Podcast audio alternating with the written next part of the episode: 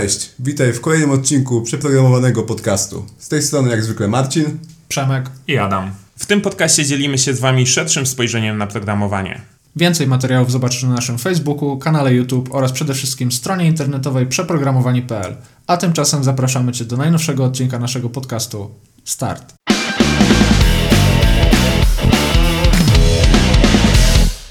Dobra panowie, no to zaczynamy nagranie przeprogramowanego podcastu i zacznijmy od tego, co tam u nas nowego słychać, a dzieje się dużo. Tak, no w zeszły piątek, 14 września, pamiętam dzień, no bo to jest rocznica mojego kanału na YouTubie. Ruszyliśmy e, z promocją naszego kursu Opanuj JavaScript. Fajnie, no bo mamy już ile? 200 osób na liście oczekujących, co jest mega miłe. To jakby przerosło moje oczekiwania, nie wiem jak wasze. Ja liczyłem na więcej. Pazerny, człowiek. Nie, żartuję. E, jak najbardziej. W sensie spodziewałem się, że, że, że będzie to gorzej szło, natomiast e, lista jest już całkiem pokaźna. No i jakby nie patrzeć, e, dopiero zaczęliśmy o tym mówić, zaczęliśmy pracę nad kursem. No i co, w jesień 2019, czyli jakieś 2-3 miesiące, kurs będzie tak, gotowy. Co ważne, na razie udostępniliśmy informacje tylko o modułach, które są w tak, tym kursie zawarte. Tak. Szczegóły jeszcze przed nami. Także wydaje mi się, jeśli chodzi o tą liczbę osób zainteresowanych, no to myślę, że po udostępnieniu kontentu yy, może się to zmienić, bo kontent jest naprawdę dobry. Mhm. Siedzieliśmy nad tym kilka ostatnich tygodni. Tak. Także kurs jest naprawdę wartościowy. Tak, i w, jeszcze w kontekście tego, co się u nas dzieje, to e, ja nie wiem, panowie, czy to zauważyliście, ale w ogóle wy wszyscy zauważyliście, że e, nasz harmonogram działa. Działa. działa. To już, to już trochę minęło, kurczę, tak. ile to już jest czasu? Z półtora miesiąca? Chyba tak, chyba tak. Wiem, że jak robiliśmy podsumowanie ostatniej e, edycji przeprogramowanych, to tam wyszło mi chyba, nie wiem, 30 czy 40 materiałów w ciągu miesiąca. Mhm. Łącznie z podcastami i z jakimiś tam dodatkowymi nagraniami, więc... Szaleństwo, szaleństwo. E, tak, to jest, e, to jest w ogóle zabawne, bo ja w Overmencie taką ilość kontentu produkowałem normalnie w jakieś pół roku, nie? Ja na Gosmarcie mam 20 filmików no. w rok. No my mieliśmy we dwójkę na Poznań programowanie około 50 postów w rok praktycznie, więc to jest tak samo, chociaż no trzeba przyznać, my tutaj tempo mamy naprawdę konkretne, jeśli chodzi o publikowanie materiałów. To, że praktycznie tylko niedziela jest dniem bez nowych treści, no to jest coś, czego do tej pory nie widziałem, jeśli chodzi o polską scenę IT.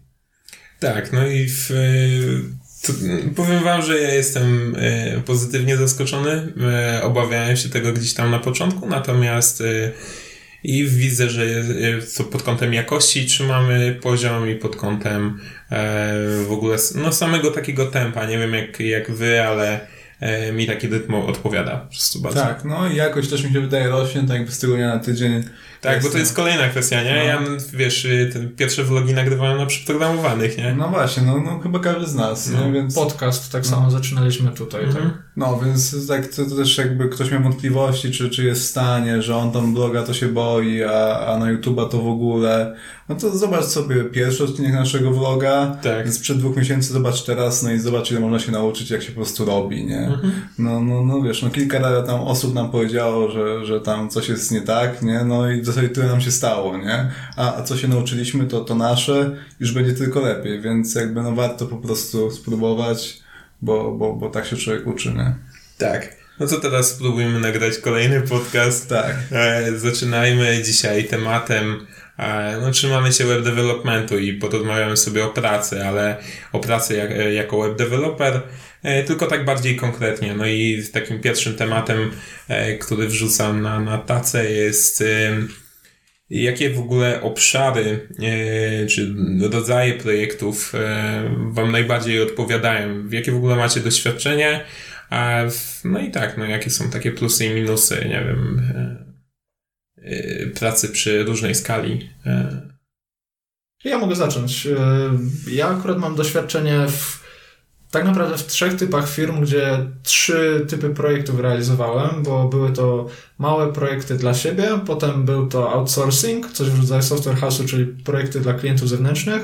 No i teraz znowu wróciłem do miejsca, gdzie tworzymy swój produkt i nie ukrywam, że tak naprawdę ta identyfikacja z tym, co robię, jest kluczową sprawą. Także e, w porównaniu do outsourcingu, moja praca jest teraz no, o wiele bardziej ciekawsza i o wiele bardziej potrafię się z tym wszystkim identyfikować i tak naprawdę czuję, że, że to, co tworzę, no, wielokrotnie mnie to łapie. Gdzieś tam na przykład wieczorem sobie otworzę na przykład to rozwiązanie, albo otworzę sobie na przykład Google Analytics i patrzę, co się dzieje w tym produkcie faktycznie, nie? Więc różnica jest taka, że e, na pewno jestem bliżej tego, co robię, przez to, że pracuję przy produkcie, który jest, można powiedzieć, no nasz.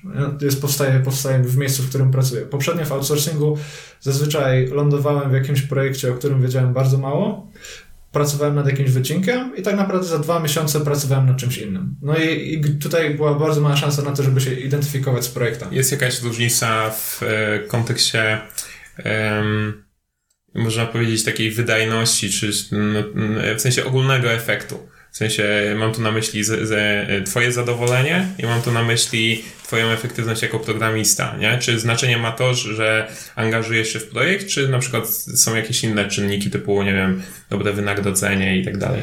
Na pewno jeśli chodzi o pracę w outsourcingu, to do tej pracy podchodziłem tak bardziej mechanicznie. To znaczy, yy, plan tygodnia przychodził z zewnątrz, zadania przychodziły z zewnątrz albo były rozplanowane na przykład przez jakichś architektów, przez senior deweloperów i tak dalej. I tak naprawdę ja brałem to, co było gdzieś w moim obszarze zainteresowania albo kompetencji, ale tak naprawdę nie było miejsca na to, żeby coś ekstra od siebie dodawać. No i a na przykład teraz e, to jest praktycznie praca przy własnym produkcie, więc każdego rodzaju inicjatywa, która się pojawia, ma szansę znaleźć się na przykład w następnym tygodniu na produkcji. I ja też automatycznie dużo bardziej jestem w to wszystko zaangażowany. No nie? Czasami nawet, czasami nawet za bardzo. Mówi się, że fajnie mieć taki work-life balance, ale na pewno też tego doświadczyliście, że jeśli ktoś jest z danym projektem bardzo zżyty, zaangażowany w to, no to tak naprawdę nie robi człowiekowi różnicy, czy to jest 10 czy 11 godzina. Sorry, to jest bardzo niepoprawne, bo w sumie powinienem powiedzieć, że po 8 kończę, ale nie zawsze po 8 kończę, bo po prostu dobrze się siedzi przy tym, przy tym co człowiek robi. Także na pewno to jest taka różnica, nie? że Jasne. większe zaangażowanie. No pytam dlatego, że ja mam doświadczenie raczej głównie z tymi projektami, w których no, jest to zaangażowanie. Właśnie nie? po tej drugiej stronie. Tak, po tej, dokładnie dlatego, dlatego pytałem, bo w, ja w sumie no jasne, zrealizowałem jakieś projekty takie typowo na zlecenie, ale zauważyłem, że w takiej sytuacji musi to być e, wynagrodzone jakimiś ekstra finansami. W sensie, jak na przykład brałem zlecenie, do którego nie miałem jakichś wielkich emocji i ono było e, właśnie słabo opłacone, to to była droga przez mękę, nie? A w momencie, gdy miałem tą perspektywę tego, że okej, okay, dzisiaj się pomęczę, ale potem będzie spoko przynajmniej pod kątem finansowym, no to okej. Okay a tutaj w przypadku, jak jest właśnie takie dodatkowe zaangażowanie, to jestem w stanie iść na znacznie większy kompromis E, no bo właśnie chociażby masz to wynagrodzenie w postaci tego, że tak jak mówisz, e, twój pomysł znajdzie się na produkcji i kto wie, może zadziała, nie? To jest doświadczenie, które no, się ciężko szukać na takich zleceniach, nie? No i wydaje mi się, że w ogóle to jest też dość niepopularne cały czas, że po prostu ty jako programista masz możliwość kształtowania produktu, no nie? My, my, my mówimy, tak. że jesteśmy zaangażowani i to jest spoko dla nas, to jest standard, ale jednak jest mnóstwo firm, chociażby moja poprzednia była taka, gdzie ten plan projektu był już dawno za, jakby przedstawiony i ja tak tak naprawdę nie miałem tam zbyt wiele rzeczy do dodania, nie? Także to jest taka różnica, że czujesz, że to jest też twoje, tak faktycznie twoje. Mm. No. Dla to jest abstrakcja. Nigdy nie pracowałem przy, przy takim jakimś zewnętrznym projekcie, także jakby nie był nogami w firmie, dla której coś tam pisze. No, może tam ostatnio realizowaliśmy taki szybki projekt z Adamem, ale to było pierwsze w ogóle coś, że, że jakby miałem po prostu coś zrobić i powiedzieć tam do widzenia no. i wystawić rachunek. Tak zawsze pracowałem no jednak nad produkcją i w ogóle taka perspektywa tego, że ktoś tam mi rzuca jakieś taski, a ja to tam rzucam jak na linii produkcyjnej, to nie wiem, znaczy no może rok, dwa, spoko się nachapać trochę hajsu, ale ja bym się zajechał, nie? Na, na to znaczy, powiedzmy, jeśli nie masz jeszcze tego skilla, to, to, że ktoś ci przychodzi i powie ci, co masz robić, jest ok, jest bezpieczne na pewno dla ciebie, nie? Dla początkującego programisty, który powiedzmy nawet nie wie, co mógłby zaproponować w tym projekcie, nie? Bo może ja tak powiem, nie? że przy projekcie, gdzie jestem teraz w firmie, pracuję już trzeci rok i tak naprawdę, no faktycznie jestem już w stanie proponować jakieś rozwiązania, ale na samym początku to też była dla mnie abstrakcja, nie? Po prostu nie wiedziałem, co ja tam mogę właściwie dodać jeszcze, nie? Więc taka sytuacja, kiedy masz na przykład ten software house, to jest na przykład teraz bardzo popularne, jeśli chodzi o jakieś tam biznesy w Polsce, tych tak. software house'ów tak, naprawdę, na, naprawdę obrodziło, no to dla juniorów, no to jest całkiem spoko miejsce, bo pobawisz się z tymi technologiami, ktoś ci tam mniej więcej powie, jak ten kształt produktu ma wyglądać. No tak, są, spoko, są no, ci seniorzy, nie? No, ale... no nie wiem, ale moim zdaniem z drugiej strony to jest takie trochę sztuczne środowisko, w sensie znaczy, no sztuczne na ile sztuczne, nie? No jeżeli jakby chcesz w takim miejscu zostać i tak dalej i jadać się programowanie do programowania, to jest no jakby tak, spoko, no to nie? projekt dla kogoś no, po prostu, no. Dla mnie to takie historia by było dziwne, nie? I na przykład jeszcze perspektywa tego, że, że tych produktów bym tam miał w pięć w ciągu roku, nie? I każdy by tam klepał po trzy miesiące i tam na do wiedzenia. No dziwne, nie? Wy akurat, chłopaki, macie taką sytuację, że wy jesteście bardzo zaangażowani. No, no tak, właściwie w każdy obszar. No, no, tak naprawdę w tej chwili nasz zespół to są cztery osoby, nie? E, I to jest cały zespół produktowy i mam tu na myśli wszystkie gdzieś tam działy, obszary, nie? Także e, tak naprawdę, nie wiem, z Marcinem pisz, piszemy posty na bloga i robimy to w różnych tematach. Jesteśmy, wiesz, dzielimy się swoją wiedzą z różnych zakresów, nie wiem, efektywności osobistej, jakiejś tam planowania i tak dalej. De facto mamy taką wiedzę, no ale może do eksperta jakiejś tam produktywności mi daleko, nie? E, nie zmienia to faktu, że no, tak samo, nie wiem, na przykład y, ja ostatnio zajmowałem się rekrutacją przez ostatnie miesiące, nie? No i moim takim jednym z głównych projektów takich strategicznych było to, żeby zrekrutować konkretną osobę. Uczyłem się tego, jak yy, przesiewać CV, w jaki sposób w ogóle dopilnować tego, żeby te CV się pojawiły, ale nie było to takie w ogóle oczywiste, nie? Nie było tak, jak często ludzie mają tam w takich dużych filmach, że po prostu przychodzą na rozmowę i kogoś tak, sprawdzają, nie? Tak. tak jakby to nie był ten typ rekrutacji. Tak, ja musiałem end-to-end zadbać o wszystko. Ja pisałem, nie wiem, ogłoszenie pisałem sam, nie? No. I, e, w... no tak, no to jest ta różnica, jak się prowadzi własny biznes. Tak, e, dokładnie, ale tak jak bez wątpienia, no zaangażowanie, taki commitment do projektu jest nieporównywalnie inny, nie? No to teraz zapytam, czy wydaje się Wam, że takie podejście bardziej kształtuje środowisko, czy osoba z wewnątrz to musi mieć? Jakby, czy, czy to jest charakter, czy powiedzmy, bez, bez charakteru raczej to firmy powinny takie coś narzucać? Jak, jak, jak mm, myślicie? W sensie, y, jak może, patrzę... może, może rozwinę, nie? Bo ostatnio kilka razy byłem w, w, w, uczestniczyłem w rozmowach na temat pracy w innych branżach niż IT i gdzie na przykład osoby dostają jakiś tytuł stanowiska, robią to i narzekają, że tylko to robią. No. W takim sensie, że po prostu y, jakoś człowiek nie zastanawia się, co mógłby robić więcej, bo przecież to nie jest jego stanowisko, nie? Więc pytanie do Was, czy bardziej to jest Wasz charakter, czy po prostu są takie warunki i inaczej się nie dało, nie? Wydaje mi się, że to i to. E, w, na przestrzeni tych wszystkich 8 lat, e, które jestem w tej firmie i specyfika tutaj się nie zmienia, skala trochę rośnie, nie? E, akurat, akurat w tym projekcie jest inaczej. Natomiast chodzi o to, że Środowisko zawsze ma na ciebie wpływ i to jest bez wątpienia. Jest tylko kwestia taka, że jeżeli twój charakter z jakiegoś powodu jest fundamentalnie niedopasowany do tego środowiska, to prędzej czy później dezygnujesz. E, jest albo się dostosujesz, albo się, albo dezygnujesz, nie? I uważam, że e, musisz mieć wymagane konkretne cechy charakteru do tego, żeby no na, na, na przykład odnaleźć się w takim zmienionym kontekście, nie? E, czyli to już nawet nie wynika z twojej chęci, tylko z jakiejś takiej, nie wiem, umiejętności takich dotyczących, nie wiem, na, na poziomie osobowości, tak? Czyli wyobraź sobie, że ok, dzisiaj programujesz i w, robisz jakiś tam feature, a jutro idziesz na symulację rozmowy handlowej, bo taką mieliśmy ostatnio, nie?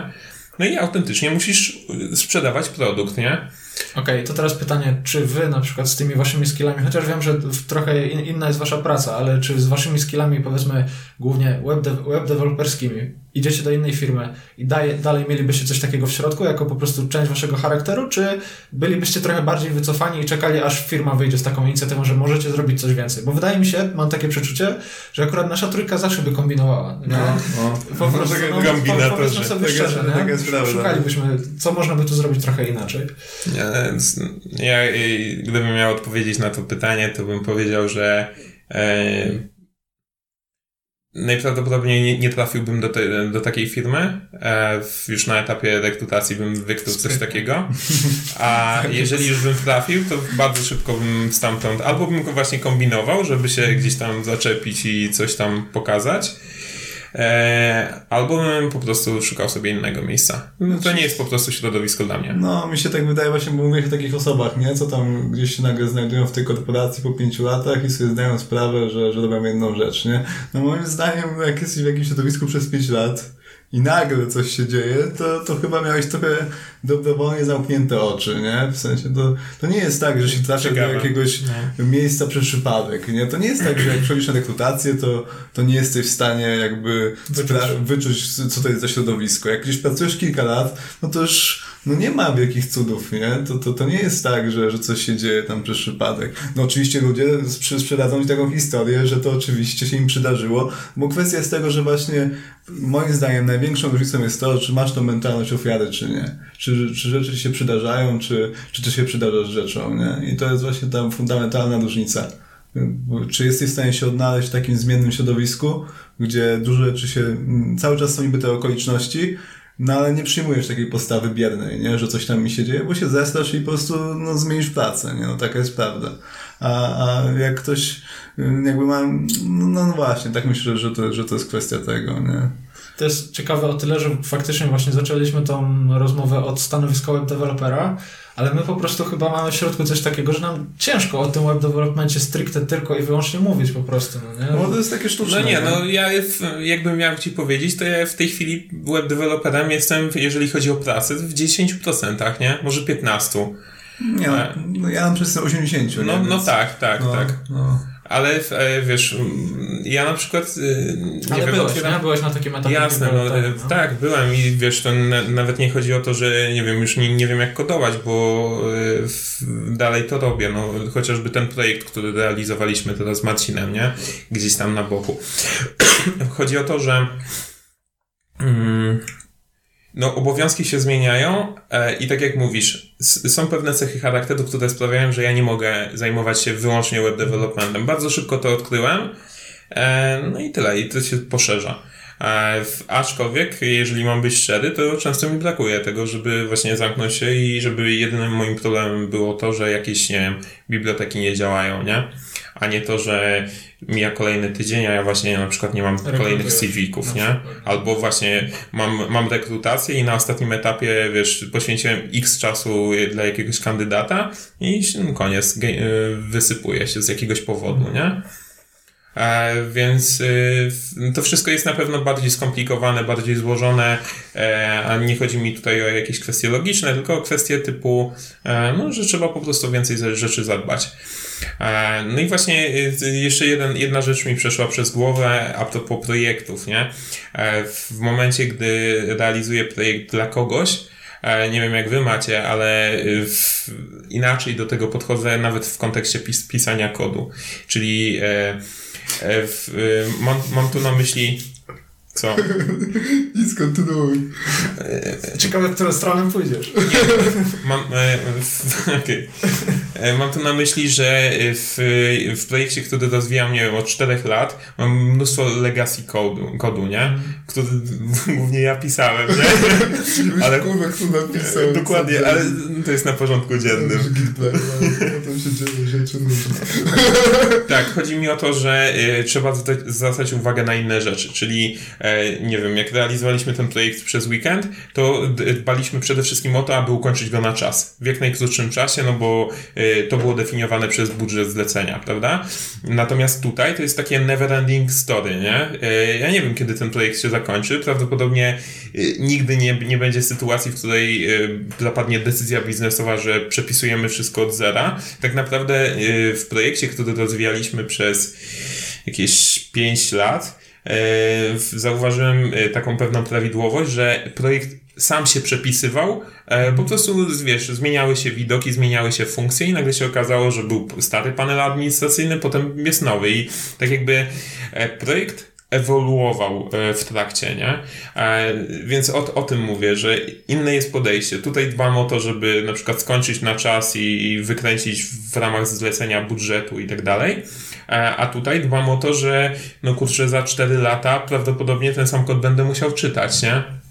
True. No, no tak, to jest, to jest ta różnica, nie? Nawet pamiętam, kilka tam z dwa lata temu oglądałem filmik tego Przemka, jak jeszcze go nie znałem, właśnie kiedy czysty kod nie jest ważny. No właśnie w takich sytuacjach, nie? Jak piszesz na szybko jednorazówkę, no to tam solid nie dostałem szacunkiem, nie? No wiem, że tam Uncle Bob będzie kiwał palcem, nie? Ale no trudno. Znaczy, ja, ja wam powiem na przykład teraz mm, a propos kiedy czysty kod nie jest ważny, mam takie ciekawe doświadczenie z komponentami na froncie, bo przepisywaliśmy aplikację, która była jednym dużym blokiem kodu. Miała plik tam index.js 2000 linijek, po prostu wszystko się tam działo. No i zastanawialiśmy się, jaka wartość biznesowa jest w tym, że my wprowadzimy nową technologię tak naprawdę. Nie? Mhm. Poza tym, że ego programisty się tam połechta trochę. Nie? No ale właśnie okazuje się, że przez to, że masz to rozbite wszystko na komponenty, to taki chaos możesz lokalnie zostawiać. Powiedzmy, ty wiesz, że ten jeden klocek będzie do wymiany, możesz, tam, tak. możesz trochę mniej jakości tam do tego włożyć, a cała reszta jest na dobrym poziomie, nie? Więc jakby logicznie ten, ten chaos sobie po prostu rozdzielasz i jesteś w stanie nad tym zapanować, nie? I właśnie wydaje mi się, że to też jest, też przychodzi z czasem, że człowiek zaczyna to akceptować, że po prostu będę z tym żył, że to jest słabe. Tak, po prostu, nie? Tak, tak. No. A w ogóle to jest jedna z ważniejszych lekcji, jeżeli chodzi o mój rozwój, e, że zaakceptowałem to, że właśnie część projektu, która gdzieś tam funkcjonuje, jest właśnie taka no kurde, jest pokusa, żeby, nie wiem, to poprawić, ale to nie ma żadnego biznesowego sensu, nie? No tak, tak, tak. No, no bo nie tworzymy w próżni tych projektów tak naprawdę, nie? Tak jak powiedzieć, budżet, czas, no. kasa, zespół się zmienia, cokolwiek, no tak. i ta jakość to nie jest jedyna rzecz, o którą musimy dbać w projekcie, więc no to myślę, że to jest jakby jak, jak, powiem tak, jak ktoś myśli, że jakość to jest zawsze główny cel, wyznacznik i tak dalej, no to chyba nie. No, no tak, chyba nie. Tym bardziej, no właśnie Marcin, nie? czy nas ktoś kiedykolwiek pytał o to, czy, czy jest jakość? No, myślę, że ludzie mają to w dupie z biznesu. No. Z całym szacunkiem, znaczy wiadomo, jak są błędy, tak. nie? I, I tam pieniądze uciekają, to wtedy jest problem, nie? Tak. No i wtedy ta jakość się liczy, dlatego ta jakość ogólnie jest ważna, ale jakby pod kątem tego, żeby produkt działał, a nie pod kątem tego, żebyś ty tam miał wypędzowany komentarz komentarze po tak. prostu, tak. żeby ktoś miał lekki wzwód, patrzę, to co napisałeś, nie? No, a odnoszę czasami wrażenie, że programiści o tym zapominają, nie? Mam jeden off-topic. E, no. Bez nazwisk i w ogóle, tak? tak. W sensie, a propos właśnie czystego kodu. E, mieliśmy... Mm, czy miałem taką sytuację, że miałem do czynienia z projektem, e, w którym były zapisane komentarze pracownika, który już nie pracował w, tej firmie. E, i komentarze e, zawierały e, nie jakieś logiczne rzeczy dotyczące kodu, tylko bluzgi na szefa. Mhm. I ewidentnie gość cały czas, wszystkie te swoje miesiące pracy, w które, które spędził w tej firmie, zapisywał tego typu rzeczy, nie? Także to jest, ja osobiście nie znałem tego, tego człowieka, to było coś, co jego, że tak powiem, spuścizna, natomiast legacy. tak, jego legacy. Jego legacy, jego legacy e, tak, e, no tak, to jest zabawna sytuacja, zabawnie było jak e, odkryliśmy ten fakt. Ale to no. było z, związane z tym szefem, który dalej tam był, tak? Czy osoby, tej, na które te pociski szły już też nie było? Wiesz co, nie pamiętam takich... Okay. No to było ładnych parę lat temu, w sensie w, wszedłem w projekt, ale chodzi o to, że y, różne rzeczy y, ludzie w kodzie piszą i faktycznie one przez długi czas nie wychodzą, ale wychodzą w sytuacji, gdy właśnie aplikacja zaczyna wolno działać, gdy y, update y, czy konieczność jakiegoś, jakiegoś rozwoju jest zablokowana, bo ktoś popełni jakiś błąd, na przykład miałem taką sytuację, gdzie potencjalnie bardzo prosty, yy, prosta rzecz. Yy, nie pamiętam szczegółów. W każdym razie to, to, było coś w stylu, dobra, no to zróbmy teraz, żeby użytkownik na przykład przypisał się do uczelni, bo tam dotyczyło notatka.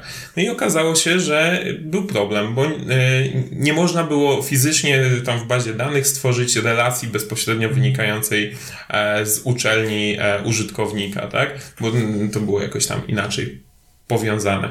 No i się okazało, że jedna prosta decyzja kogoś, kto był tam 3 lata temu w projekcie, sprawiła, że prosta zmiana te 3 lata później była bardzo dużym wyzwaniem i wiązała się z przepisaniem dużej części logiki całej aplikacji.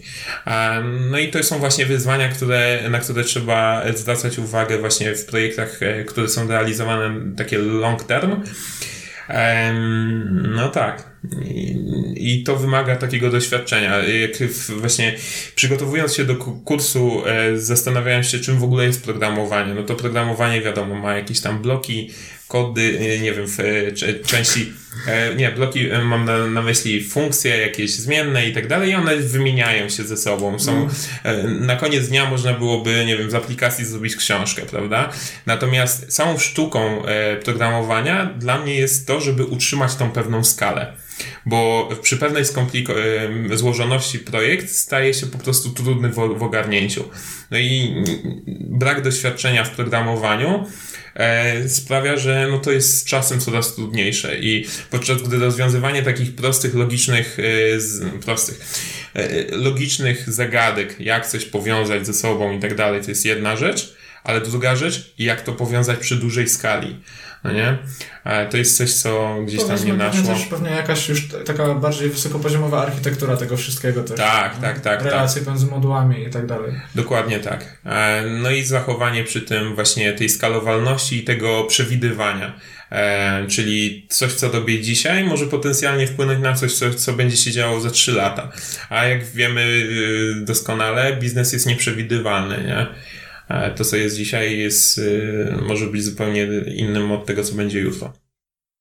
Biznes, nawet kwestia tego, że pójdziesz się kurczę wyspać i wiesz, nawet. nad ranem ci się pojawi jakiś pomysł, chciałbyś wprowadzić rewolucję nagle w tym, co robiłeś, a się tak. zablokowałeś na przykład dzień wcześniej i tak. zupełnie nie możesz tego rozszerzyć, nie? Więc nawet, nawet samemu sobie można krzywdę zrobić. Chociaż, no, tak, tak jak mówiliśmy, no, jak, jak, masz te doświad- jak masz to doświadczenie, masz te zrealizowane projekty, to mniej więcej wiesz, jak tym po prostu sterować. Nie? Kiedy sobie możesz pozwolić na to, żeby było trochę słabiej, ale szybciej, a tak, kiedy musi być powoli dobrze, bo na przykład, no tak jak na przykład gdzieś tam obszar, gdzie ja teraz jestem, bo robisz na przykład autentykację użytkownika nie? i nie chcesz mhm. mieć dziur w systemie, więc no tak. tu będzie powoli, ale dobrze znowu. Jasne. Jeszcze jedna taka sytuacja mi się przypomniała e, a propos właśnie przewidywania przyszłości. E, to właśnie w, mm, w projekcie, który uwzględniał dostęp do kursów, a użytkownicy mieli mieć możliwość wykupywania dostępu do, dostępu do kursów. Okazało się pół roku później, że biznes przyszedł z pomysłem sprzedajmy pakiety do firm. E, no i tam klientem już nie jest użytkownik, tylko firma, która posiada użytkowników. I okazało się, że to akurat przewidziałem i dostęp do kursu nie był, nie polegał na tym, że kurs był przypisany do użytkownika, tylko użytkownik posiadał subskrypcję na to, żeby mieć dostęp do kursów. I wtedy wystarczyło zmienić fakt, że właścicielem subskrypcji nie jest, nie jest użytkownik, tylko organizacja i to wszystko rozwiązało. Ale w momencie, gdybym właśnie zrobił, że kurs jest przypisany bezpośrednio do użytkownika, e, no to taka zmiana właśnie wiązałaby się, to byłby case, w którym trzeba było przepisać e, połowę aplikacji, nie? No i mniej takich ścisłych powiązań, tym lepiej. Taka tak. jest prawda, nie? Żeby wszystko jakby było można w miarę łatwo ze sobą e, łączyć i, i rozpinać też, nie? No tak, to, to, jest, to jest mega ważne, nie? Myślę, że to jest, to jest właśnie akurat dobry moment, żebyśmy przeszli trochę niżej, jeśli chodzi o dzisiejszy podcast, bo chcieliśmy sobie porozmawiać o obszarach, w których obecnie pracujemy. No? I na przykład, panie Marcinie, jak to u pana wygląda? Gdzie pan teraz pracuje w tym web development? Co pan robi? No jestem full stack developerem, więc robię jakby i ten backend i robię frontend. Ogólnie już mówiąc szczerze, Chyba, że pracuję w Reakcie, to wolę backend, nie? W sensie e, takie tam walenie się z CSS-em. No, CSS to jest ogólnie najmniej jakby lubiany przeze mnie obszar web developmentu, jeżeli mam być szczery. No po prostu, po prostu tam, tam jest taki śmieszny mem, jak koleś tam wali w żaluzję i to aż, tak, aż tak. spadnie, no to tak się mniej więcej czuję bardzo często. E, chociaż ogólnie lubię, jak strona wygląda ładnie, lubię ten aspekt estetyczny, lubię produkt, projekt, jakby produkt końcowy, ale procesu za chuja nie lubię? Jest, jest dla mnie mega irytujący, a, a właśnie pisanie jakiegoś tam JavaScriptu, czy, czy nawet PHP, e, to, to jakby sprawia mi przyjemność, nie? Wydzielanie tej logiki, właśnie stosowanie no, tych zasad czystego kodu i tak dalej, żeby to wszystko jakoś było nie ze sobą powiązane, to, to mi sprawia dużą przyjemność, nie? I przychodzi mi z dużą łatwością. No, no uważam, że z Reactem jest ten plus, że on dużo rozwiązuje właśnie problemów, które najbardziej mnie irytują w web developmentie, nie? E, tak samo pamiętam, jak jeszcze pisałem w Vanilla JavaScriptie, tam te pierwsze projekty, no bo mi kazali się nauczyć Vanilla, to się nauczyłem, nie? No ale tam po prostu operowanie... Jakiś słaby sam... kurs miałeś. No, no, jakiś słaby kurs, nie? No, niestety się uczyłem Vanilla, a potem dopiero frameworków, nie? Sprytne. Wystraszyłem się Commandira. Tak. No, y, to pamiętam, że tam operowanie po tym domu, nie? Łapanie tych wszystkich węzłów i, i, i samodzielne ustawianie wartości atrybutów.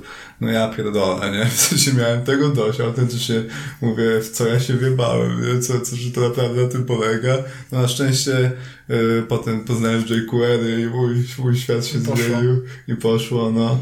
Kiedyś, Ale... kiedyś słyszałem takie stwierdzenie, że właśnie jQuery to jest no największa rewolucja, jeśli chodzi o web development w ogóle ever, nie? W ogóle żaden framework już tyle nie zmieni, ile jQuery zmieniło, wrapując te wszystkie niekompatybilności pomiędzy przeglądarkami. Wy te wszystkie pamiętacie jQuery? Tak, ja tak, pisałem, tak. pisałem na początku dość dużo w jQuery, nie? To jeszcze było, to już było za czasów, gdzie się pojawiał React, już AngularJS okay. i tak dalej, ale mimo wszystko ja tam w tym jQuery pisałem kilka takich tym pierwszych. No to ja byłem, e, ja zaczynałem w momencie, gdy jQuery w ogóle wchodziło, czy tam zyskiwało popularność, no i zgadzam się totalnie z, tym, co powiedziałeś, nie? To była rewolucja. E, szczególnie w kontekście wykonywania tych Ajaxowych połączeń e, requestów, bo chodzi o to, że mm, tam głównym problemem był oczywiście Internet Explorer. E, wszystkie przeglądarki w miarę ogarniały właśnie requesty Ajaxowe. A w Internet Explorerze trzeba było pisać to zupełnie z palca, zupełnie inaczej i tak dalej, i tak dalej. A jQuery robiło to out of the box. Miałeś jedną funkcję, funkcję tą dolar Ajax, no i wszystko działało. Aha, no i tam, tam były te takie... Przekazywałeś obiekt. Tak. I... Bo wtedy jeszcze nie było promisów, nie? Promisy nie, nie, nie, dopiero nie, nie. BS5 chyba weszły. Tak, tak, tak. Pamiętam. E... Ale jeszcze. BS6? Jeszcze dalej, no. Okej, okay. no dobra, no to, to średniowiecze na maksa, czyli no. w tym XHR-ze tam trzeba było Tak, pisać, i to wszystko na, na, tam się, no. no tam były callbacki. To, to, też, to też męczyłem. Yy, dwa to temu, trzy, jak się uczyłem jeszcze tam programować, no ale masakra, w sensie, no nie, nieprzyjemne, nie dziwię się, nie, że jak weszły te takie, no bo w zasadzie yy, jQuery oferowało to, co teraz oferują promisy, to jest dokładnie to samo, nie, no, no nie, nie, query selector. No, no, no nie. Bo jakby odwoływałeś się do elementów też w sposób ujednolicony. No. Tak, tak, ale chodzi tak, to ten, kolejna kwestia, właśnie. Chodzi o sam ten y, Ajax, nie, w sensie, no, że tak, tak samo to wygląda tak naprawdę. Ja nie? pamiętam na przykład kolejność u mnie nauki i o właśnie XML HTTP request się dowiedziałem po tym, jak ja robiłem tak dolar Ajax. Nie? Ja tak samo, no. Ja jakby wiedziałem, że tak się robi kole do serwisów, w ogóle, okej, okay, dolar Ajax tak wszyscy robią, a potem, okej, okay, jest coś takiego, taki obiekt jest w ogóle pod no, spodem. No, tak. I, I tak naprawdę, no, kolejność była zupełnie jakby przekręcona, nie? Wydawałoby się, że pierwsze natywnie, potem jQuery, no a w sumie nie, nie? Miałem to jQuery, robiłem co chciałem robić tak naprawdę, a potem schodziłem niżej i dowiadywałem się, co tam I się I teraz y, jest tak samo z Reactem, no bo ja już szedłem w świat Reacta w momencie, gdy już znałem JavaScript, no. E, a teraz jest tak samo z Reactem, że można na początku, właśnie e, Marcin, no. E, nauczyć się Reacta, a dopiero potem JavaScriptu, czy raczej trzeba Wiesz zadbać co, o te fundamenty? to boli raczej, w sensie ja próbowałem się uczyć Reacta w roku 2016 na jego początku, jak w tym JavaScriptie już no miałem jakieś tam podstawy, ale szału nie było, no to odbiłem się dość mocno, nie? W sensie jednak React to tam jest bardzo dużo Vanilla.js, nie? To, to, to nie jest tak jak w jQuery że po prostu dostajesz jakby no praktycznie totalnie inne API, które jest jeszcze takie mega uproszczone. Tam jednak jest dużo jakichś domknięć, mhm. dis trzeba kumać, nie? No, no, spready, resty. Spready, resty, mapy, dużo jest właśnie operacji na tablicach, tak, dokładnie, dokładnie. No. Mapowanie w ogóle listy, pętle, tak, przerenderowanie. Tak, więc dużo programowania funkcyjnego raczej właśnie, no, jeżeli masz y, solidne fundamenty w JS-ie, to przechodzisz przez Reacta jak burza i mówisz w zasadzie, ok, wszystko co mi w JavaScriptie wkurwiało do tej pory, no to wreszcie działa jak należy, a cała reszta jest tak samo. Jasne. No. Więc no, ja mam takie odczucie, więc no dlatego nie polecałbym, nie?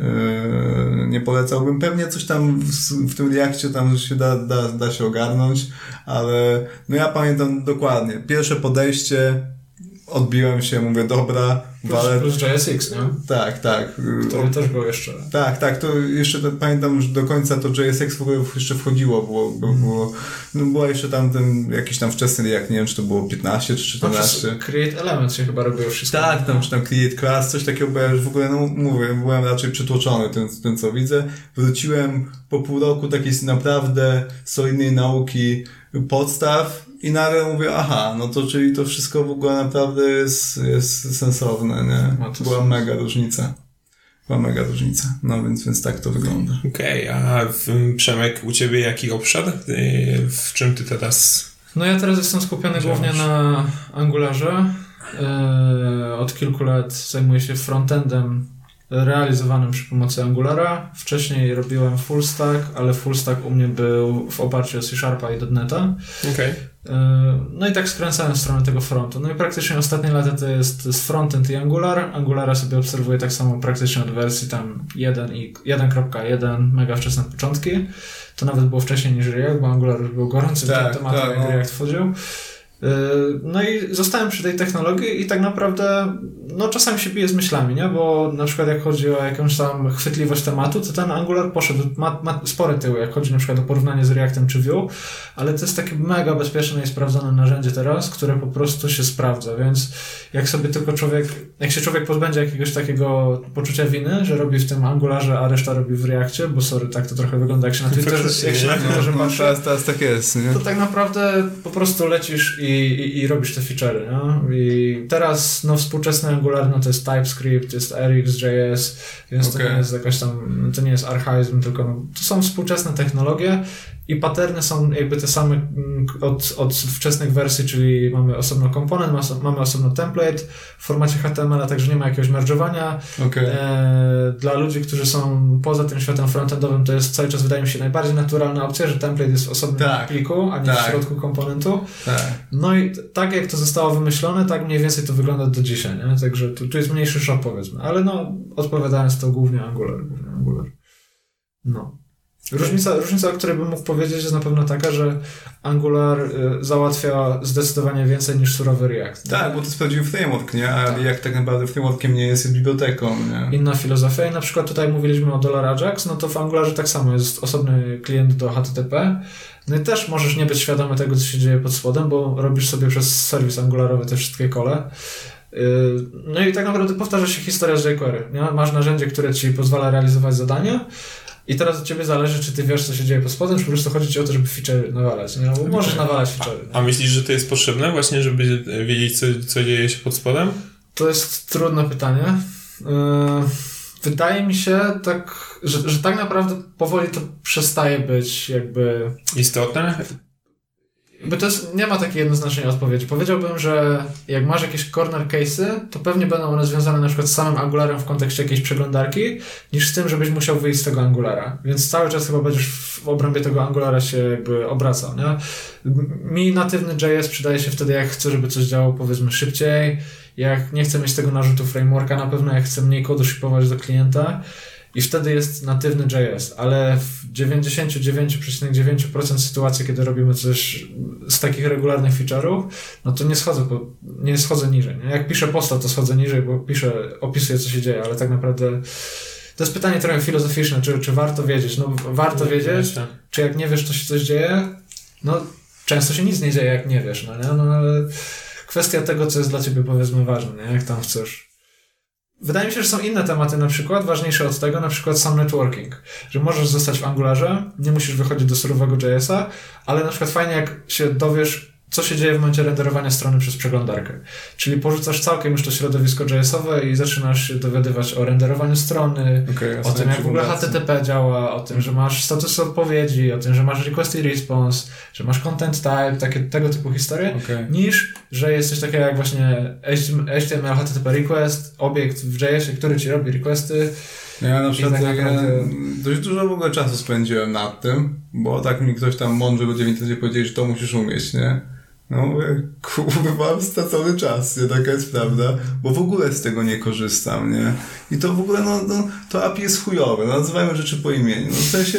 No, Niewspółczesne. No, znaczy w sensie, no, no raczej masochist z tego korzystać, no, no tak. y, więc jakby wiadomo, trzeba wiedzieć, że to jest, bo no nie wiem. W zasadzie ostatnio się zastanawiałem, bo nawet mam, y, mam, taki, y, mam taką lekcję w moim module wady frameworków. Y, no i się... się w jakim module, Marcinie? module mojego kursu. Tam reklama jeszcze nie na końcu, do tego wrócimy. No i mieli wady frameworków. No i siedzę przed tym komputerem, no i mówię, kurwa, nie wiem, nie? W sensie autentycznie ciężko mi coś wymyśleć, nie? E, mówię, no zobaczymy, co mądrzy ludzie piszą w internecie na ten temat. No i otóż też, kurwa, niczego sensownego nie znalazłem, nie? Autentycznie jedyny zarzut jest taki, że ograniczają myślenie, w sensie, że wsadzają cię w jakieś tam takie pudełko jakby z, z punktu widzenia tego pudełka postrzegasz rozwiązywane problemy, nie? No wydaje się, jest taki trend, był taki trend kiedyś gdzieś na Twitterze, że właściwie Reacta powinno się ustandaryzować, nie? No jestem mega przeciwny takiemu podejściu, ale rozumiem tych ludzi, którzy to mówią, nie? To oni mają te klapki na oczach, myślą, że React to jest ten cały faktyczny świat mm -hmm. i, i, i okej, okay, no ale tak naprawdę oni robią te aplikacje i projekty tylko z tym Reactem, jest standard dla nich, no nie? To jest jakby...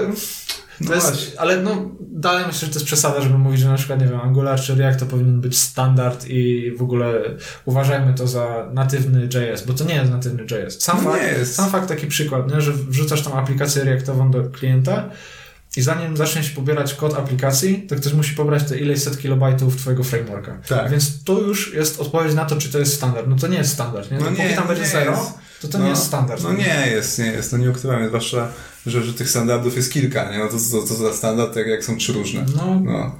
No. Albo 20. Albo 20. Jak, w, e, bo jak mówimy o wadach frameworków, to, to, to co przychodzi mi do głowy to kwestia wersji, aktualizowania tych wersji.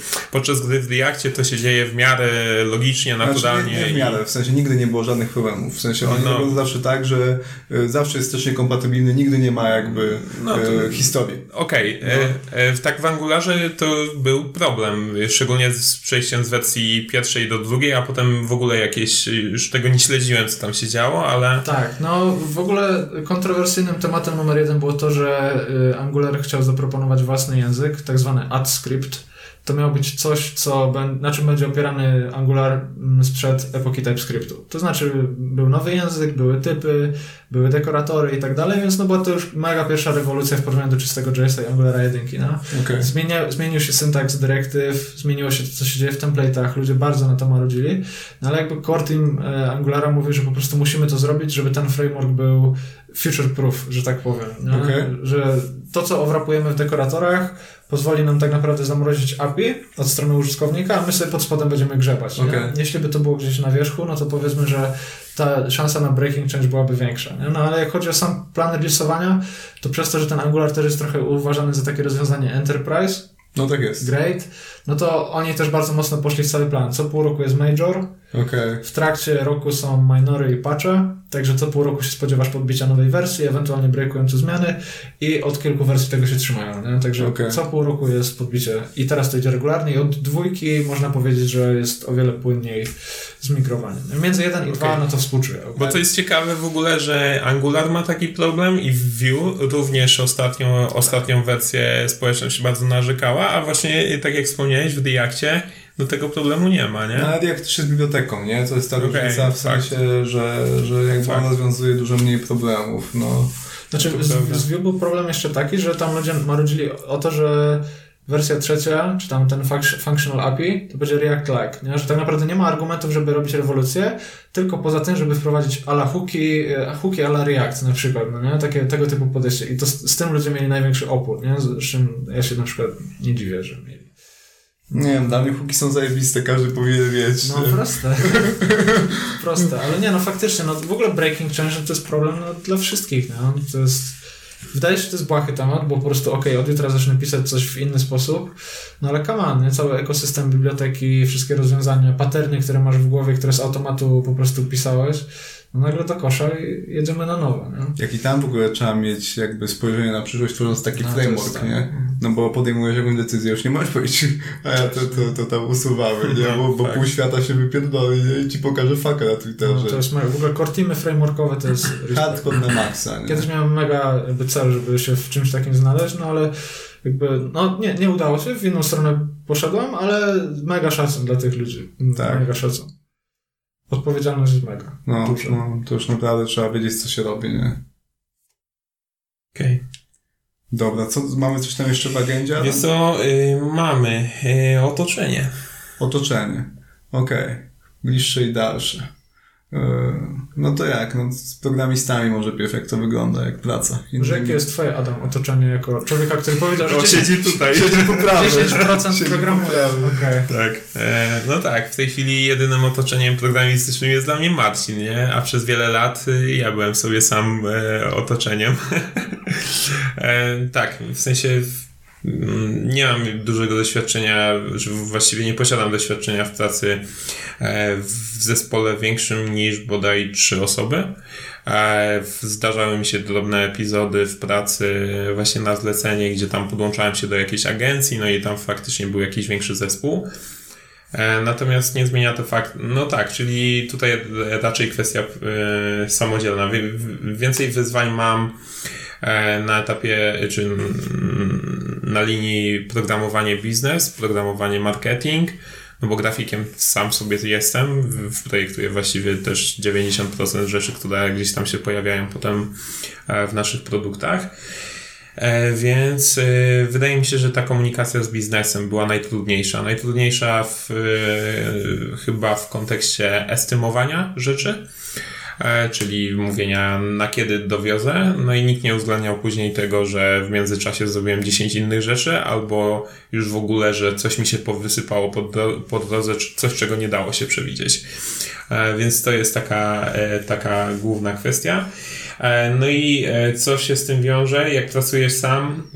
Raz, że lubię pracować sam, czy tam w skromnym właśnie teamie, gdzie się dogadujemy i jesteśmy w stanie po prostu no ramię w ramię na bieżąco ustalić jakieś rzeczy, niż pracować w taki sposób, że ok, od spotkania do spotkania coś ustalamy i w międzyczasie jak coś się zmieni, to albo trzeba czekać na kolejne spotkanie, albo gdzieś tam smarować maile i czekać na approval, nie?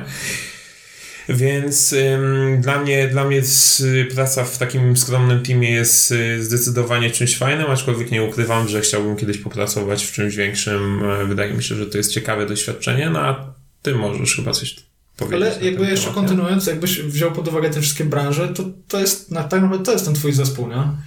Po branży? Branże, w sensie... in, ludzi z innych branż. Bo jakby to nie jest tak, że... Te, tego też nie ma dużo, wiesz? Y, ja tutaj mam na myśli tak naprawdę 3-4 osoby w tej chwili, nie? Czyli mam tu na myśli zarząd y, w postaci, w postaci prezesa, mam na myśli sprzedaż w postaci właśnie dwóch osób, które reprezentują e, właśnie ten, no ciężko nawet powiedzieć, dział. No i tak jak mówię, grafik, e, marketingowiec, no jest jeszcze marketingowiec w sumie na zleceniu u nas. Ale także jak mówię, w tej chwili, akurat w tym momencie, zespół taki projektowy jest dość skromny. E, natomiast e, wcześniej miałem trochę większe doświadczenie i faktycznie już nawet na etapie powiedzmy 20 osób w zespole e, ta formalizacja różnych rzeczy zaczęła mi bardzo przeszkadzać, zaczęła bardzo wadzić, bo nie wiem, wprowadziłem jakąś tam zmianę w projekcie, nie wiem, ustaliłem to z jedną osobą, po czym przyszło, przyszła druga i powiedziała, hej, ale ta zmiana mi nie pasuje, bo coś tam, nie? Więc y, no, uważam, że jak już dochodzi, czy inaczej, y, w sytuacji, gdy dochodzi do większej, większego formalizowania niż działania, to jest środowisko, które zaczyna mi przeszkadzać. Przynajmniej takie były moje pierwsze doświadczenia w tym temacie. Przemek, ja mi się wydaje, że ty masz jakby trochę odmienne spojrzenie, zwłaszcza tam z tego, co teraz, bo ja w zasadzie no, mam podobnie jak Adam, nie? Nigdy nie pracowałem w, w zespole większym niż trzyosobowy, no, no i, myślę, że, że tam ode mnie wygląda to bardzo podobnie. Czy chciałbyś pracować w, większy, w większej ekipie? Czy też ci to nie jest potrzebne? Na razie nie czuję, że ci to jest potrzebne. Co, no ja jakby też jakoś nie lubię specjalnie. Znaczy, gdyby to się nie wiązało z, z tą formalizacją i tak dalej, no to, to czemu nie? Ale ogólnie wydaje mi się, że ciężko trochę znaleźć takie yy, środowisku, gdzie ten luz nadal jakiś jest i tak dalej. Autonomia, nie? Autonomia. Wydaje mi się, że to takie jest trochę w sensie jedno z drugim nie idzie za bardzo w parze, siłą rzeczy. W sensie, na pewno też, tak. też są te fajne wyjątki. Może jak kiedyś jakiś mi trafi, to, to super. Na pewno chciałem zobaczyć, nie? Ja powiem wam, że jak myślę sobie o wymarzonej pracy, to mam na myśli dobrze rozwinięty, skalowalny biznes globalny w zespole takim nie wiem, do 15 osób max, nie? I w, mhm. znam takie biznesy, wiem, że funkcjonują, jasne, to nie, nie mówimy tutaj o biznesach w pokroju Facebook, tylko jakiś prosty, nie wiem, SaaS, e, jakaś prosta usługa i po prostu tak to wygląda. E, to jest w moim odczuciu dla mnie idealne środowisko pracy. Duży wpływ, duża autonomia, e, częste zmiany, jakieś takie właśnie właściwie z każdych obszarów. No i przede wszystkim bliskie relacje z e, członkami zespołu. W momencie, gdy już tam się pojawia powiedzmy 50-60 osób w firmie, no to w części osób nawet nie wiesz jak mają na imię, albo wiesz jak mają na imię, ale to jest tyle co Nie wiesz. pracujesz z nimi na bieżąco, więc coś tak. zaczynają cię średnio obchodzić. No, niestety. No siłą rzeczy. No ja mam takie porównanie jakby z, z poprzedniej firmy, tak, taką, taki przykład z poprzedniej firmy, gdzie nad projektem pracowały dwa mega duże zespoły, które były podzielone tak bardzo naiwnie, bo była produkcja, programiści i testerzy w drugim pokoju. No i, naprawdę, i tak naprawdę ta produkcja tak urosła, że, że no nie wiem ile nas tam siedziało, 30 osób w jednym pokoju i myśmy byli nazywani jednym zespołem, nie? No i tak naprawdę ten przykład, o którym ja powiedziałem wcześniej, że dostajesz kawałek do zrobienia, no to było wtedy, bo tak naprawdę no inaczej się tego fizycznie nie dało podzielić, jak tak naprawdę porozdzielać mikrozadania z jednego modułu pomiędzy 30, 20-30 osób. Jeszcze na końcu była historia taka, że wysyłałeś to do drugiego pokoju, tam to testowali, albo przychodzili, albo nie i dopiero to szło na produkcję. Nie? No teraz mam trochę inaczej, bo my jesteśmy zorganizowani w takim stylu, powiedzmy, mikrofirm. To znaczy zespół musi być samowystarczalny, także w zespole mamy programistów i frontend i backend deweloperów, mamy designera, menadżera, i product managera. Okay. No i jakby przez to, że pomimo nawet, nawet pomimo tego, że firma jest duża, to nie czuć tego, że ty pracujesz, bo, bo de facto nie pracujesz z wszystkimi, tylko pracujesz właśnie w tym gronie. No ja na przykład pracuję w gronie sześciu osób, jeśli dobrze liczę, 4 plus 7, 7, 4 plus 3.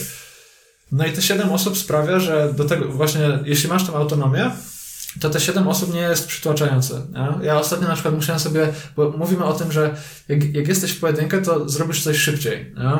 No nie zawsze, no ale... no ale z, raczej zrobisz szybciej, nie? niż w takiej tak. machinie powiedzmy większej. Ale tak. z drugiej strony ja sobie też ostatnio musiałem to, to uświadomić, że ten kolektyw w dłuższej perspektywie więcej wypracuje no jasne, niż ty no sam. jasne, nie? bez wątpienia. I... Nie? To jest nawet przeprogramowani są świetnym przykładem, no tak, co mówiliśmy tak, na początku. Nie? Więc na przykład kosztem tego, że ja czasami na coś poczekam i zagryzę zęby, faktycznie mnie to frustruje. Jako człowieka, który na przykład potrafi coś zaprojektować, zrobić ten frontend i na przykład wymyślić jakieś hasło, frustruje mnie, że są ludzie do, do tego, nie? że na przykład jest designer, który się zna na designie, ja jestem frontem, więc się znam na froncie. Nie? Ale znowu, jak ja nie mam czasu, to ja wiem, że ten designer na przykład może siedzieć i projektować, tak.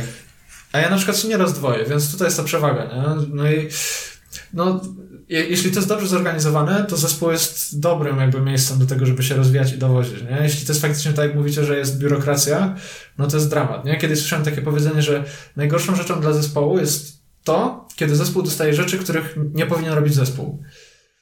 Jeśli mhm. sztucznie rozdziela się proste taski pomiędzy tak. pięć osób, nie? I to jest dramat, dramat wtedy, bo faktycznie ludzie mają skilla, ludzie są doświadczeni, ludzie chcą cisnąć i na siłę staramy się z tego zrobić zadanie dla całego zespołu, nie? Więc to jest, to jest wtedy trudne. No, absurd dla mnie, totalny. A no wydaje mi się, że to nie jest też, tak jak mówię, no to nie jest takie niepopularne wszystkie outsourcingi i tak dalej. Tak. No to jest, no dwóch deweloperów zostaje wypożyczonych do, do zespołu 20-osobowego, dostaje kawałek, no i jazda, nie?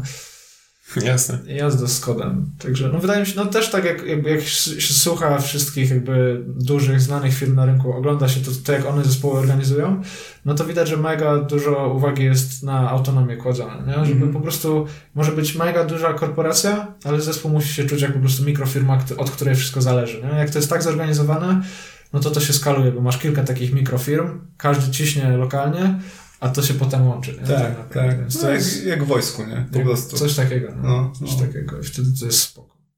No ale, ale zespół to też jest inna specyfika właśnie, nie? Musisz się na przykład pogodzić, że tak jak powiedziałem, że jako frontend, który umie designować, nagle trochę tego designu musisz komuś, powiedzmy, zostawić, bo on ma stanowisko, gdzie, powiedzmy, full time się powinien tym zajmować, nie? Albo jako ktoś, kto na przykład mógłby gdzieś coś, powiedzmy, dubnąć, no to dla zespołu jest lepiej, jak ty się będziesz trzymał tego twojego zadania i tam się skupisz na tym, żeby to wykorzystać, niż będziesz skakał po wszystkim i po prostu, no trochę czasami popisywał się, że po prostu wszystkiego potrafisz dotknąć. No, inna specyfika. Tak samo jak powiedziałeś, przeprogramowani, znowu zupełnie inaczej. Nie? Każdy ciśnie jak się da, gdzie się da i po prostu nie ma takich jakby chyba dyskusji między nami, że Adam ciśnie od poniedziałku do wtorku, ja od wtorku do czwartku, a Marcin od czwartku przez weekend, nie? Nie wiem, co ty. Tylko no jest full time podłączenie do projektu tak no, naprawdę. No, no. Fakt. No. Okej. Okay. Coś na temat otoczenia? Jeszcze Marcin, masz coś do temat otoczenia? No nie wiem, wydaje mi się to, że ta praca z marketingiem jest ważna. Okej. Okay. Ty akurat masz do, do czynienia ostatnio, nie? Tak, mam, mam. Wiem, że dużo ludzi na to narzeka. Nie wiem, ja może mam szczęście. Ty masz mega szczęście po prostu, bo yy, wiesz...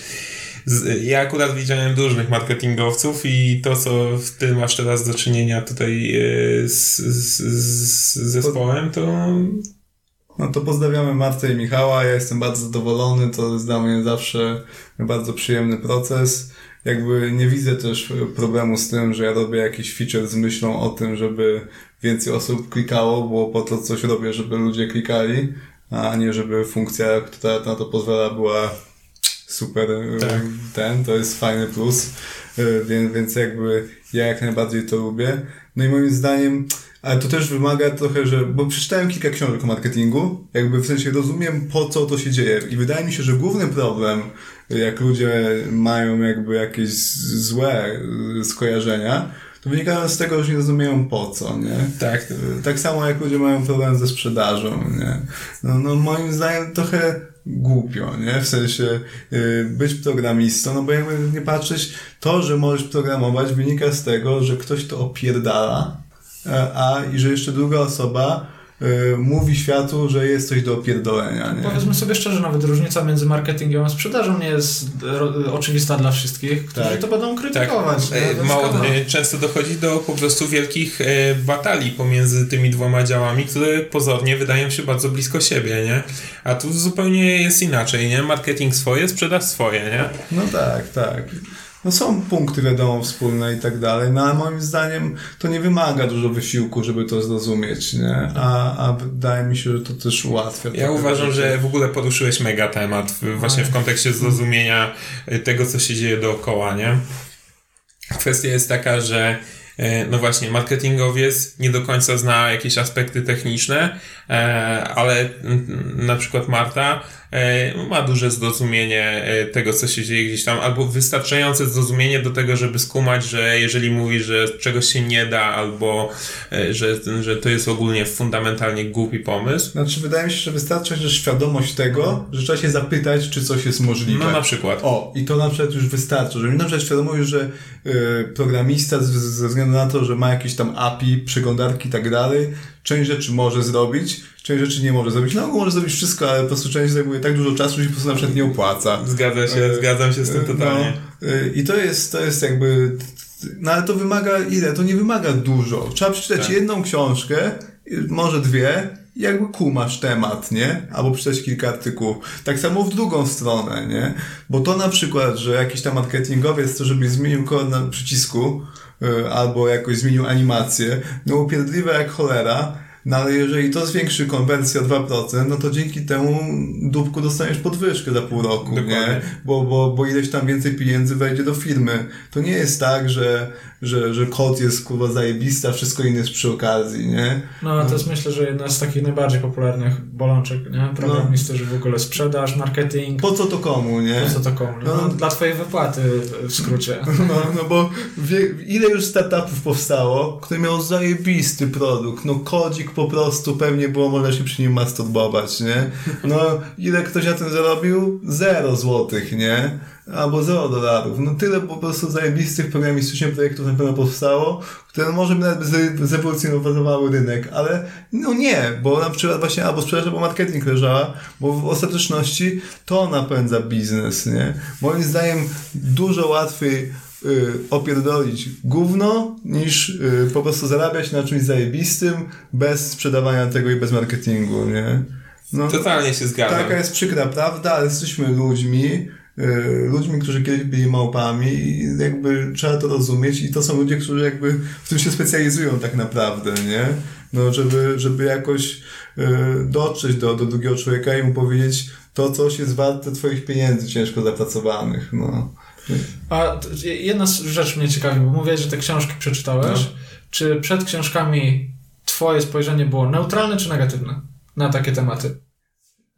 Dla mnie wszystko, co przynosi pieniądze, budzi pozytywne Dobra, ale mówisz, że książki ci dopiero poukładały, po co to jest, nie? Tak, w sensie, Także jak nie wiedziałeś, to trochę dążę do takiego wątku kulturowego, nie? Bo mi się wydaje, że żyjemy w takim kraju, że sprzedaż to jest cały czas temat, który jest mega negatywnie odbierany i marketing, czyli przekonywanie kogoś do czegoś, to jest zawsze walenie w H, nie? Że po prostu sprzedajesz kit, tak naprawdę. Nie? Tak, znaczy mi się na pewno trochę bardziej wydawało, że to jest wszystko takie tam lewe, e, lewe bamboleo, tutaj się do kogoś uśmiechnę, że w zasadzie trzeba być ekstrawertykiem, e, mieć dobrą nawikę i jakoś tam się kręci, nie? A to, się, garnków, tak, no, a to się okazuje, że to jest rozkmina jak chuj, nie? Taka sama jak nie większa niż, niż programowanie, nie? To jest ten sam jakby poziom mistrzostwa i tego, jak trzeba rozumieć różne tam i abstrakcyjne rzeczy, ale też jakby, no relacje to, to nie jest tak, że, że to nie wymaga żadnej wiedzy teoretycznej i nie wymaga bardzo dużo praktyki. Właśnie wymaga na maksa, nie? No trzeba jakby też być na bieżąco. Też trzeba naprawdę dużo czasu spędzić, żeby być w tym dobrym. To nie jest tak, że tam ubierasz jakiś śmieszny gajerek, uśmiechasz się, robisz siebie tam cwaniaczka i, i, I leci kasa. I leci kasa. To nie działa w ten sposób, nie? No, no, no po prostu, to, wymaga, to, jest, to są naprawdę wymagające zawody, w których można być tak samo dobrym jak najlepsi programiści, tak samo słabym jak jakieś tam klepacze, po których się poprawia. Nie? I jeszcze na koniec przyszło mi do głowy to, że właśnie zrozumienie tego otoczenia, tego kontekstu e, wpływa na to, jak odbieramy pracę programisty. No, czy nie lepiej ci się pracuje właśnie no mając jasne. świadomość tego wszystkiego? No jasne, że dużo lepiej się. Ogólnie moim zdaniem świadomość zawsze jest na plus. w tak. sensie le lepiej rozumieć niż nie rozumieć, lepiej wiedzieć niż nie wiedzieć, nawet jeżeli na początku boli, y, boli i jest nieprzyjemnie, nie? Bo się okazuje, że nie jesteś nawet, nie jesteś pępkiem świata i wszystko tak. się dzieje dzięki tobie, tylko jesteś elementem układanki, tak samo ważnym jak wszystkie inne, ale prawda jest taka, że, że to nie, że jesteś puzzlem, nie? No i jeden puzzle to nie jest, to nie jest całość, nie? No, no, po prostu i jakby to w ogóle nie umniejsza twojej roli jako, jako, jako tej, tej, a wydaje mi się, że ludzie jakby nie mogą tego do siebie dopuścić, no bo mówią, to, to coś, ja nie jestem najważniejszy, no to, to jestem nieważny, to nie jest takie zero-jedynkowe, nie? To jest jeszcze jeden temat, bo powiedziałeś o tej mentalności ofiary, nie? Czy rzeczy no. ci się dzieją. No to właśnie tu dochodzi temat też empatii. Na przykład powiedzmy, ktoś ci odpyskuje, w skrócie mówiąc, no i ty jak nie wiesz na przykład jak wygląda jego praca, z czym on się zmaga i tak dalej, no to od razu zakładasz, że uwziął się na ciebie, no nie? No, no po przykład, prostu nie. nie szanuje się programistów w tej firmie. No, no ale na przykład jak wiesz jak działa marketing w firmie, w której jesteś, czy tam sprzedaż, wiesz z jakim, z czym oni się zmagają, tak. no to po prostu dajesz im trochę takiego kredytu zaufania, że okej, okay, no mógł się po prostu unieść, tak. bo ma przejebany tydzień na przykład. Tak, a właśnie e, zapytam, e, Przemek, u Ciebie są jakieś formy KPI-ów, czyli tych wskaźników efektywności w przypadku programowania? W przypadku indywidualnych programistów, czy w przypadku. No na przykład, czy ty masz KPI jakieś wyznaczone? Powiedzmy, że u nas to jest płynne, jakby nadajemy sobie cele okay. y, przy pracy z menadżerem, nadajemy sobie cele, ale to jest bardziej taki North Star, nie? że w tym kierunku okay. powinienem iść. Okay. W tym nie, kierunku dlaczego pytam? No właśnie z tego y, zrozumienia, nie? Na przykład marketingowiec ma narzucone KPI, które są sztywnymi liczbami, nie? Sprzedażowiec, y, handlowiec tak samo, nie? E, no i chociażby z tego może wynikać presja pod koniec miesiąca, bo tak. na przykład ich 3 czwarte wynagrodzenia zależy właśnie od tych wskaźników, nie? No to powiem, właśnie to akurat w programowaniu to dopiero gdzieś tam na takich stanowiskach powiedzmy menadżerskich się zaczyna, wydaje mi się, bardziej jeszcze liczyć, nie? Czy faktycznie twoje zespoły dowożą, nie? I wtedy masz tabelkę, tak. liczbę projektów, jakie to są projekty i tak, tak dalej i tu się zaczyna, nie? No, nie, nie, powiem, że na przykład programiści mają to całkiem w dupie, bo powinni mieć w dupie, ale wydaje mi się, że ten programista się zawsze gdzieś tam schowa, nie? Robiłem, ale nie wyszło, nie? Robiłem, no, no tak. ale... Od tym mamy dużo lepiej, Prądu nie? nie było na przykład, tak, nie? A menadżer, menadżer dostaje pytanie, nie? Ile projektów twój zespół dowiózł? Zero, nie? No albo sprzedawca, czy dowiozłeś ileś tam tysięcy. Na przykład, no. no. I albo dostajesz tą premię, albo nie dostajesz tej premii. I na przykład, jakby jak kiedy to rozumiesz, no bo wiadomo, każdy sprzedażowiec będzie ci puszował feature'y, które yy, jakby no tak, pomagają tak. sprzedaży, tak. bo ma w tym interes, nie? I to jest jakby, nie ma co się obrażać na tych ludzi, bo ludzie zawsze grają pod siebie. W sensie, tak. to jest taka prosta psychologia, nie? No, no jeżeli yy, z czegoś będzie duża wypłata dla ciebie, to gdzieś z tej sprzedaży to się wydarzyło, no po no prostu, tak, bo, tak. bo, bo chcesz jak najlepiej dla siebie i to jest normalne. No, ktoś musiał być kurwa głupi, żeby tego nie robić. Ogólnie to wymaga świadomego wysiłku, żeby na przykład myśleć o ogóle, a nie o jednostce, jako osobie sobie, nie? No ale jakby to nie jest problem, bo tak zawsze też ludzie mają podejście, o, oni chcą cały czas, żebym tym kolory przycisków zmieniał i tak dalej. Najwyżej powiedz, że nie, no bo na przykład jest coś ważniejszego do zrobienia, co zwiększy sprzedaż za trzy miesiące, nie? No tak. No, tak. no trzeba rozmawiać ludźmi też, z ludźmi tak, żeby oni rozumieli, że, że, że jakby, no, no jaki jest powód, a nie, że nie, i on nawet nie zrozumie, bo jestem taki super, bo, y, że, że nawet szkoda z nim rozmawiać. Lepiej, no. no więc to wydaje mi się, że często tej pokory brakuje trochę, nie? No pokory plus zainteresowania innymi branżami, tak bym tak. powiedział, nie? Bo nawet, nawet jak, jak masz tą pokorę, ale masz totalnie w dupie to, co się dzieje poza programowaniem, poza światem frontu, JS-a, poza Reactem, no to będziesz miał duże problemy w pracy z, z, z innymi członkami zespołu po prostu, nie? Żeby zrozumieć, z jakimi oni problemami w ogóle przychodzą, czemu lewą nogą dzisiaj wstali, co trudnego się może w tym tygodniu dla nich dziać na przykład. No tak. Czemu no. cisną, a, nie po, a, a, wczoraj nie cisnęli na no, przykład, no, a jutro też nie będą cisnąć na przykład, czemu jest taka fala i tak dalej, no więc im bardziej, może, no taki, takie trochę słowem podsumowanie, no to im bardziej człowiek jest zainteresowany innymi, no to się mu łatwiej trochę żyje tak naprawdę też, nie? Więc nie jest taki nie jest to porada z książki coachingowej, ale po prostu tak jest, nie? że jak potrafisz zrozumieć kogoś z innego działu, no to łatwiej się będzie żyło, jak dojdzie do, jakiegoś, do jakiejś konfrontacji na przykład z tą osobą. A zawsze dochodzi. A zawsze nie? dochodzi. No. no. Zawsze dochodzi. No po prostu. Dlatego to moim zdaniem jest ważne, żeby o tym pamiętać. Game over. Game Teraz over. ostatni punkt agendy. Czyli chamska reklama. Czyli chamska reklama. no, więc przypominam o naszym kursie. Jeszcze jako kursie mowa, to ostatnio miałem przyjemność rozmawiać z Jędrzejem Paulusem, który prowadzi podcast Developer Wannabe i tak się składa, że ja i Adam i Przemek w tym podcaście będziemy występować, będziemy rozmawiali o tym, y, co tam w tym naszym kursie y, na Ciebie czeka. Y, każdy z nas będzie jakby rozmawiał konkretnie o naszym module, więc jakby to nie też takie, jeżeli jesteś zainteresowany, zainteresowany, zastanawiasz się, czy to jest produkt dla Ciebie, czy to jest coś, z czego Ty możesz wyciągnąć wartość, to myślę, że ten podcast również będzie dobrą okazją, żeby się o tym przekonać. Jędrzej Paulus jest super, y, super gościem, mega zajawkowiec, jeżeli chodzi o podcasty, więc myślę, że wyciągnie z nas wszystko, co będzie się dało. Zresztą, no, no jak jeżeli ktoś organizuje ten Międzynarodowy Dzień Podcastów, na który zjeżdżają się podcasterzy z całej Polski. Zresztą no bilety zdarzyły się tak szybko, że ja nie Adam, zdążyłem. Adam się kupić, bo się wybierał. Y, no to, to na pewno będzie to coś wartego obczajenia. Ja się nie mogę osobiście doczekać.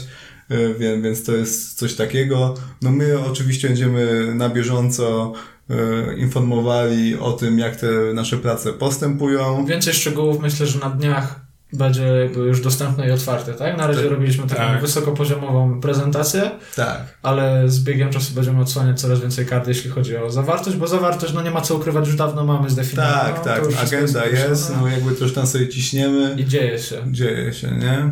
Więc, więc y, będą oczywiście też jakieś zajawki, to nie będzie tak, że będziemy jakiegoś tam kota w worku sprzedawali, y, wiadomo, nie? Y, no myślę, że co, co jeszcze jakby... Może, może tak, tak przyszło mi na myśl, może powiedzmy w ogóle, czemu akurat taki temat? Czemu, czemu nie mówimy na przykład o PHP 2? Czemu nie PHP 2? No, jakby temu JavaScript w tym web developmentie jest dosłownie wszędzie, nie? Nawet y, marketingowcy mają z nim styczność, kiedy proszą cię o to, żebyś im tam wrzucił Google Analytics na podstronę, nie?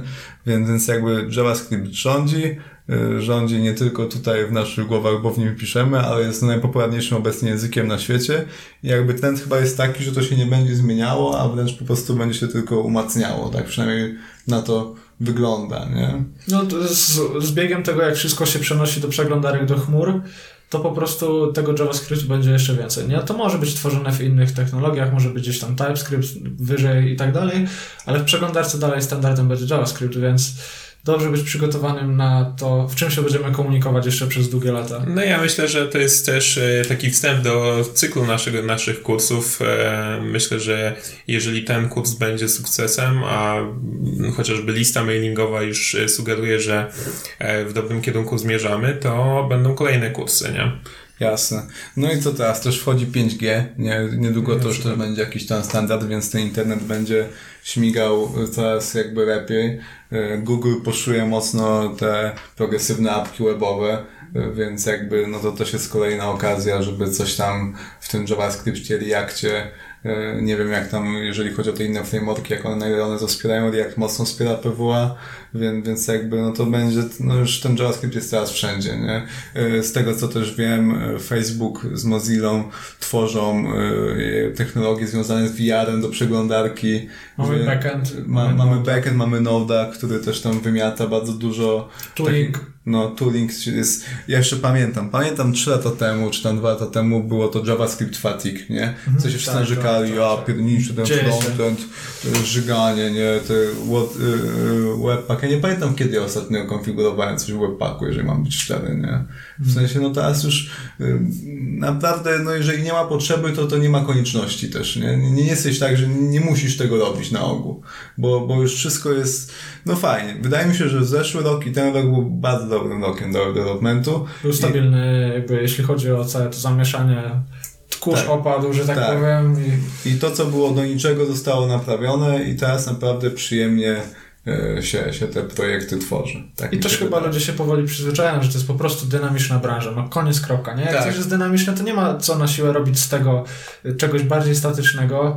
Jak nie ma nawet tej biblioteki standardowej w JS-ie, powiedzmy, nie? no to nie, nie, ma, nie ma co oczekiwać, że to będzie język, gdzie tutaj raz na 10 lat coś nowego się pojawi. Nie, tu się pojawi raz na tydzień coś nowego, prawda? No tak, jakby taki jest urok, nie? Jak masz z tym problem, no to możesz pisać e, systemy wbudowane w C++, e, ten sam kod pisałeś 15 lat temu, ten sam kod napiszesz dzisiaj, nie? Dla niektórych ludzi to jest mega wartość. W poprzednim filmie moi szefowie tam się śmiali z tego, że tam w tym JavaScriptie no cały czas są tak. zmiany. Oni cały czas robią to samo i to tam śmiga, mają, mają swoje produkty, więc jeżeli ktoś potrzebuje statycznie, no to jakby są y, nisze w programowaniu, które te, te, te jakby takiej statyczności doświadczają. U nas jest dynamicznie, dla mnie to jest zajawa, nie? No.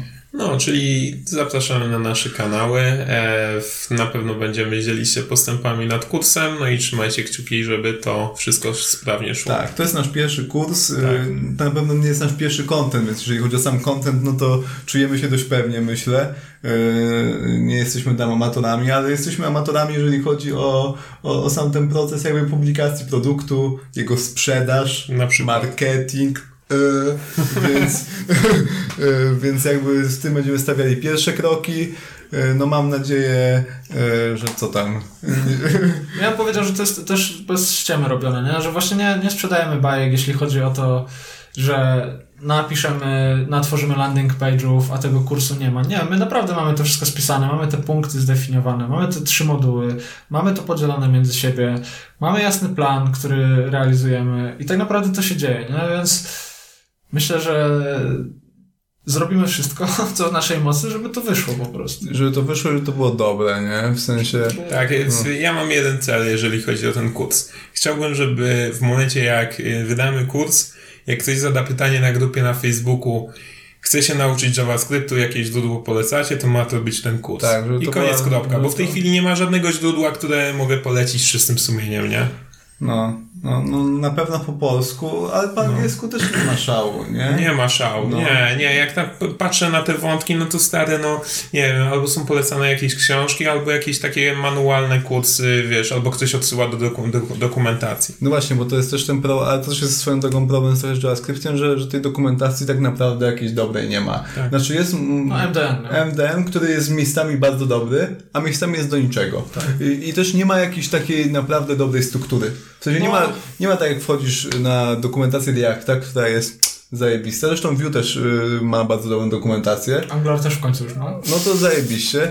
Yy, I tam naprawdę no, jesteś w jakiś tam dobry sposób poprowadzony od punktu A do punktu B i, i, i naprawdę jak tą dokumentację Reacta przejdziesz, to coś tam ogarniasz, nie? No w przypadku JavaScriptu nie ma takiego miejsca. No mamy speka ECMAScriptu i ktoś ma. sobie może poczytać low-levelowe działanie języka, z no. którego tak naprawdę ciężko cokolwiek. Myślę, no. że dla początkującego bez szans, dla średnio zaawansowanego jako tako a dla zaawansowanych mało kto ma czas, żeby się przez to przebijać. No, no tak, nie, to już naprawdę trzeba być Zjawkowiczem, nie? Raczej, że, że, żeby tam Ja pamiętam, jak wszedłem w jeden rozdział, jak chciałem e, strict equality i equality mhm. operator opisać, no to to jest naprawdę temat na kilka dni, żeby sobie siąść i przeczytać mały fragmencik odnośnie tego, czym się różni 2 równa się od 3 równa się, nie? No. Poskakać po tym wszystkim i tak dalej. I, I potem dopiero jest to przełożone w postaci blogów, filmów i tak dalej. Więc nasz kurs to też jest takie przełożenie tego, co się dzieje na język, powiedzmy, naturalny. Tak, tak, tak, tak, bym to tak to prawda.